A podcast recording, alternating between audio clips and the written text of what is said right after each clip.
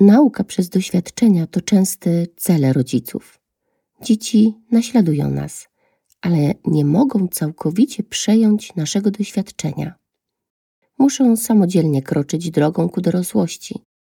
My jesteśmy co najwyżej ich sparring partnerami. Czy dzieci uczą się z naszych doświadczeń jako dorosłych? Posłuchajcie. To jest podcast annawojtczak.pl. Seria do posłuchania, czyli wpisy blogowe czytane przez autorkę.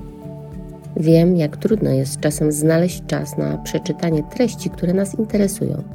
To z myślą o Tobie przygotowuję podcasty i nagrania audio wpisów blogowych w serii do posłuchania, które możesz posłuchać na spacerze z psem, w czasie ćwiczeń czy jazdy samochodem.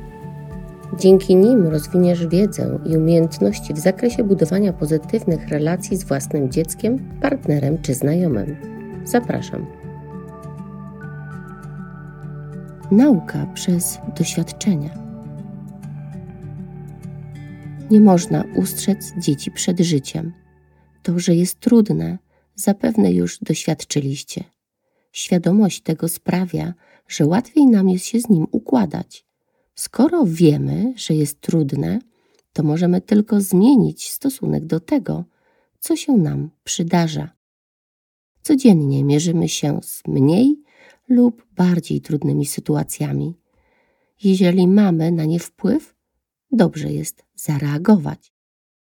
Pamiętaj, że brak reakcji jest także reakcją. Z tą różnicą, że pozwalamy, by ktoś lub coś innego za nas podjęło decyzję. I nie jest to złe, jeżeli mamy tego świadomość, że i tak to my ponosimy pełną odpowiedzialność za oddanie losowi steru.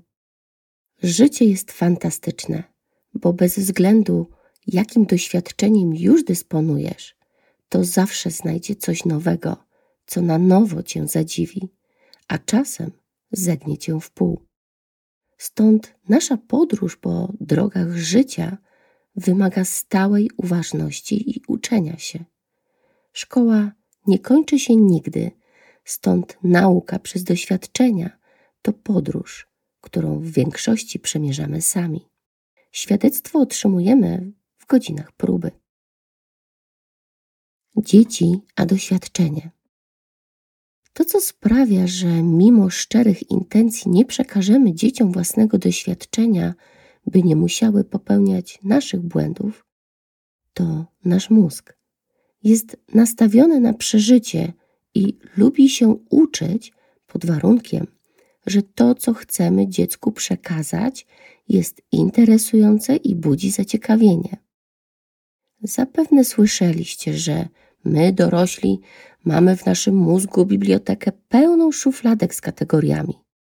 Jak coś się wydarzy, otwieramy szufladkę z daną kategorią i przeprowadzamy zmiany zgodnie z doświadczeniem, które już nabyliśmy. Zepsuło się auto? Pyk, numer telefonu do znajomego. Zgasło światło. Sprawdź bezpieczniki. I tak można wyliczać.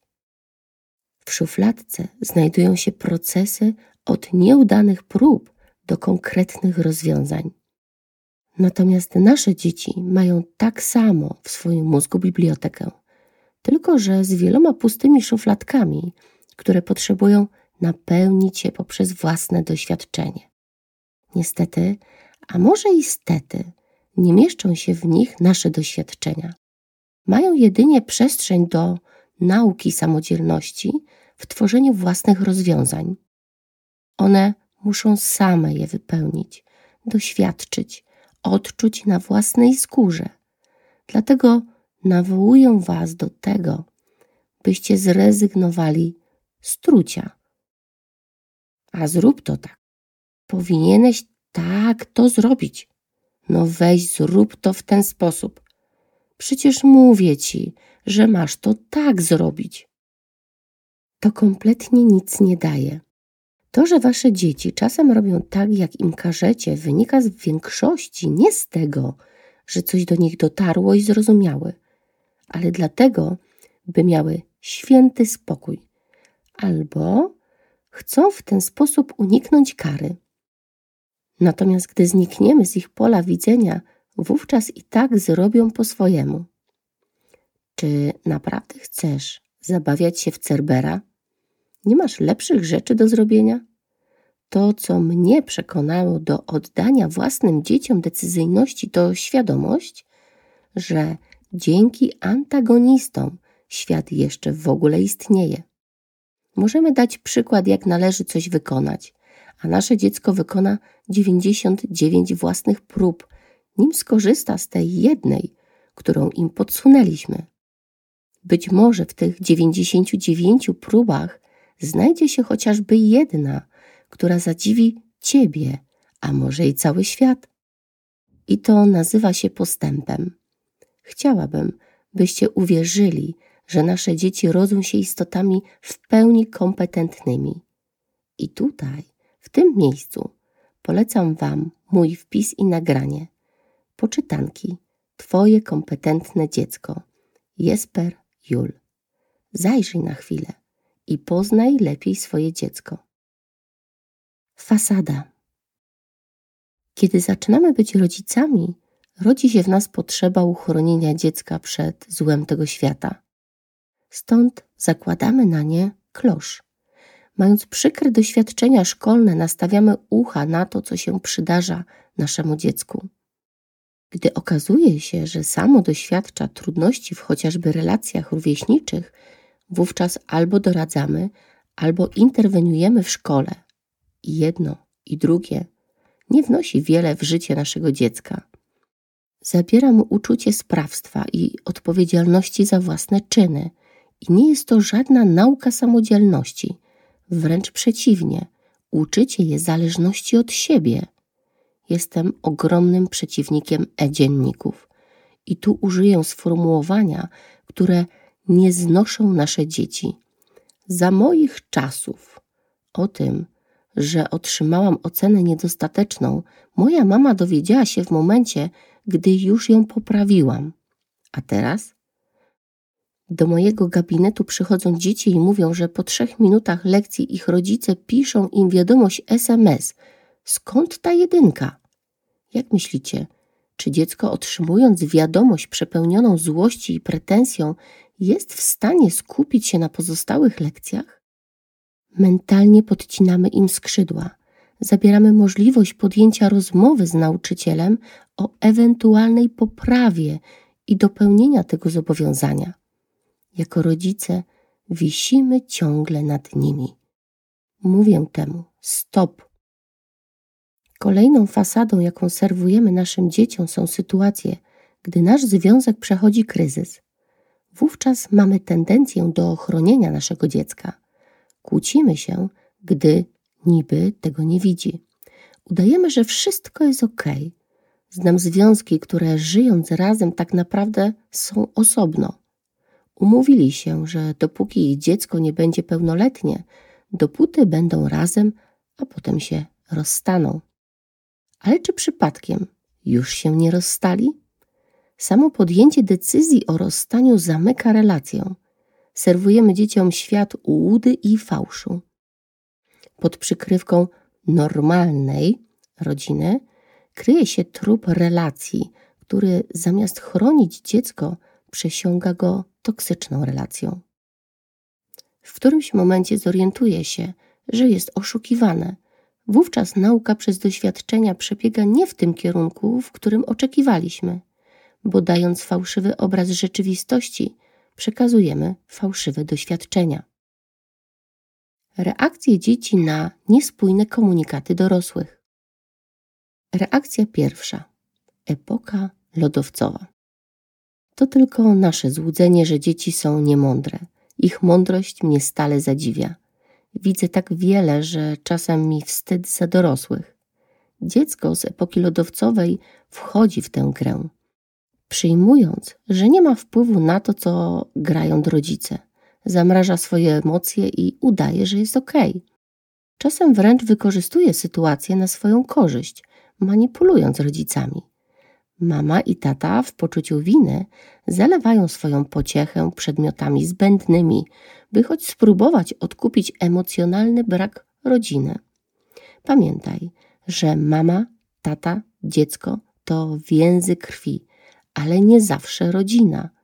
Rodzina to głęboko zanurzona w działaniu wspólnota oparta na miłości, nie tylko na wypełnieniu zadań określonych w tego typu związku. Zamrożone dziecko zawsze znajdzie pretekst, by nie siedzieć z wami w pokoju. Czasem nawet znika do znajomych, wracając późno, a czasem odczuwa uczucie zazdrości, bo twoje dziecko woli przebywać w rodzinie kolegi lub koleżanki, bo w domu źle się czuje. Tam pozwala sobie trochę odtajać, by na nowo zamrozić się w domu, w udawanych więziach przed sobą i znajomymi. Druga reakcja siostry Kopciuszka. Pamiętacie te postaci? Kapryśne, manipulujące, stal domagające się uwagi. Gro dzieci funkcjonuje na zasadzie pick me, wybierz mnie, zauważ, poświęć mi uwagę. W fasadzie rodzinnej dziecko domagać się będzie uwagi i jest to naturalne. Jednakże dzieci rodziców fasadowych w ten sposób zaspokajają swój lęk. Boją się, ponieważ nie rozumieją, co się dzieje. Interpretują całą sytuację, przesiewając przez własny filtr, który nie jest faktem, tylko wyobrażeniem. Mogą czuć presję stałego skupiania na sobie uwagi, bo dzięki temu widzą, że rodzice zaczynają ze sobą współdziałać. To trudne w odbiorze zachowanie. Możecie się jako rodzice czuć sfrustrowani i zmęczeni takim zachowaniem dziecka, bądź wejść w jego grę. Robi to z początku nieświadomie, natomiast zauważając rezultaty, zaczyna świadomie korzystać z tego narzędzia.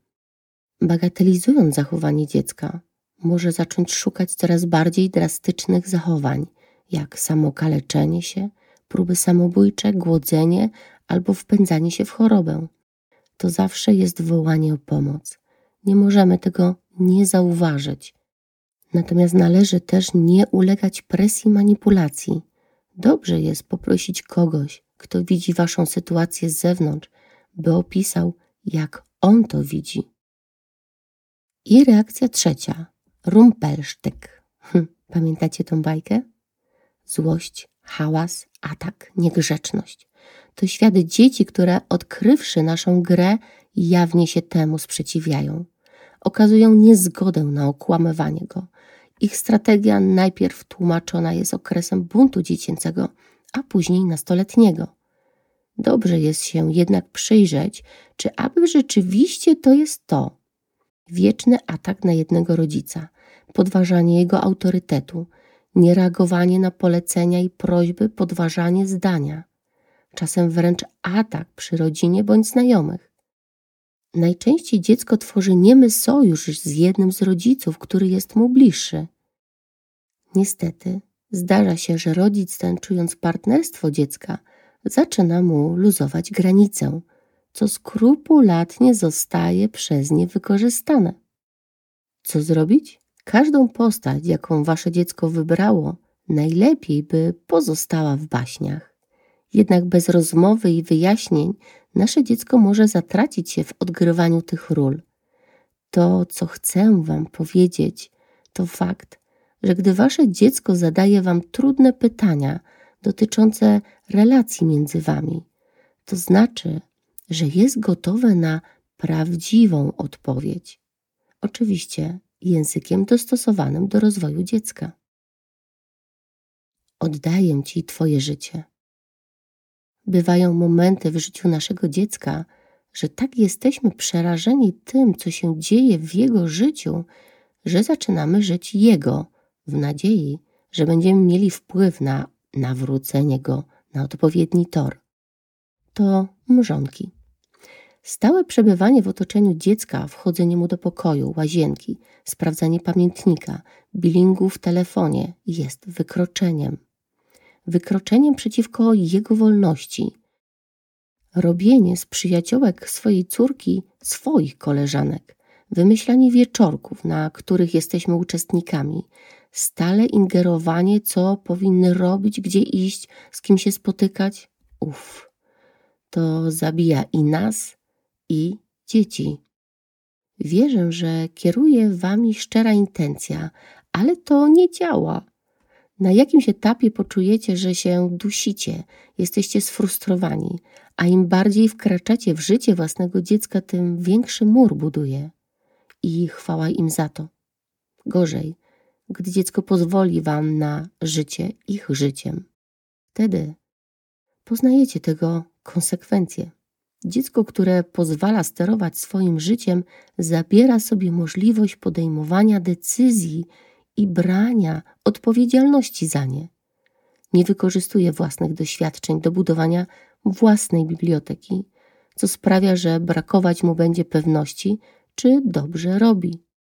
Poza tym zatraci siebie, swoją pewność i integralność.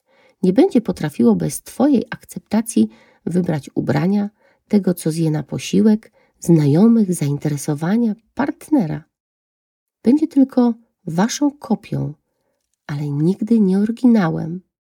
Dlatego, jeżeli bliskie jest Ci Twoje dziecko, pozwól mu doświadczać i przeżyć życie na swój własny rachunek. Tak, będzie się potykało, będzie płakało, będzie połykać żabę, ranić innych, tracić przyjaciół lub partnerów. Ale takie jest życie. Natomiast dzięki temu będzie dzień za dniem uzupełniać swoją biblioteczkę w coraz to nowsze doświadczenia. Puenta.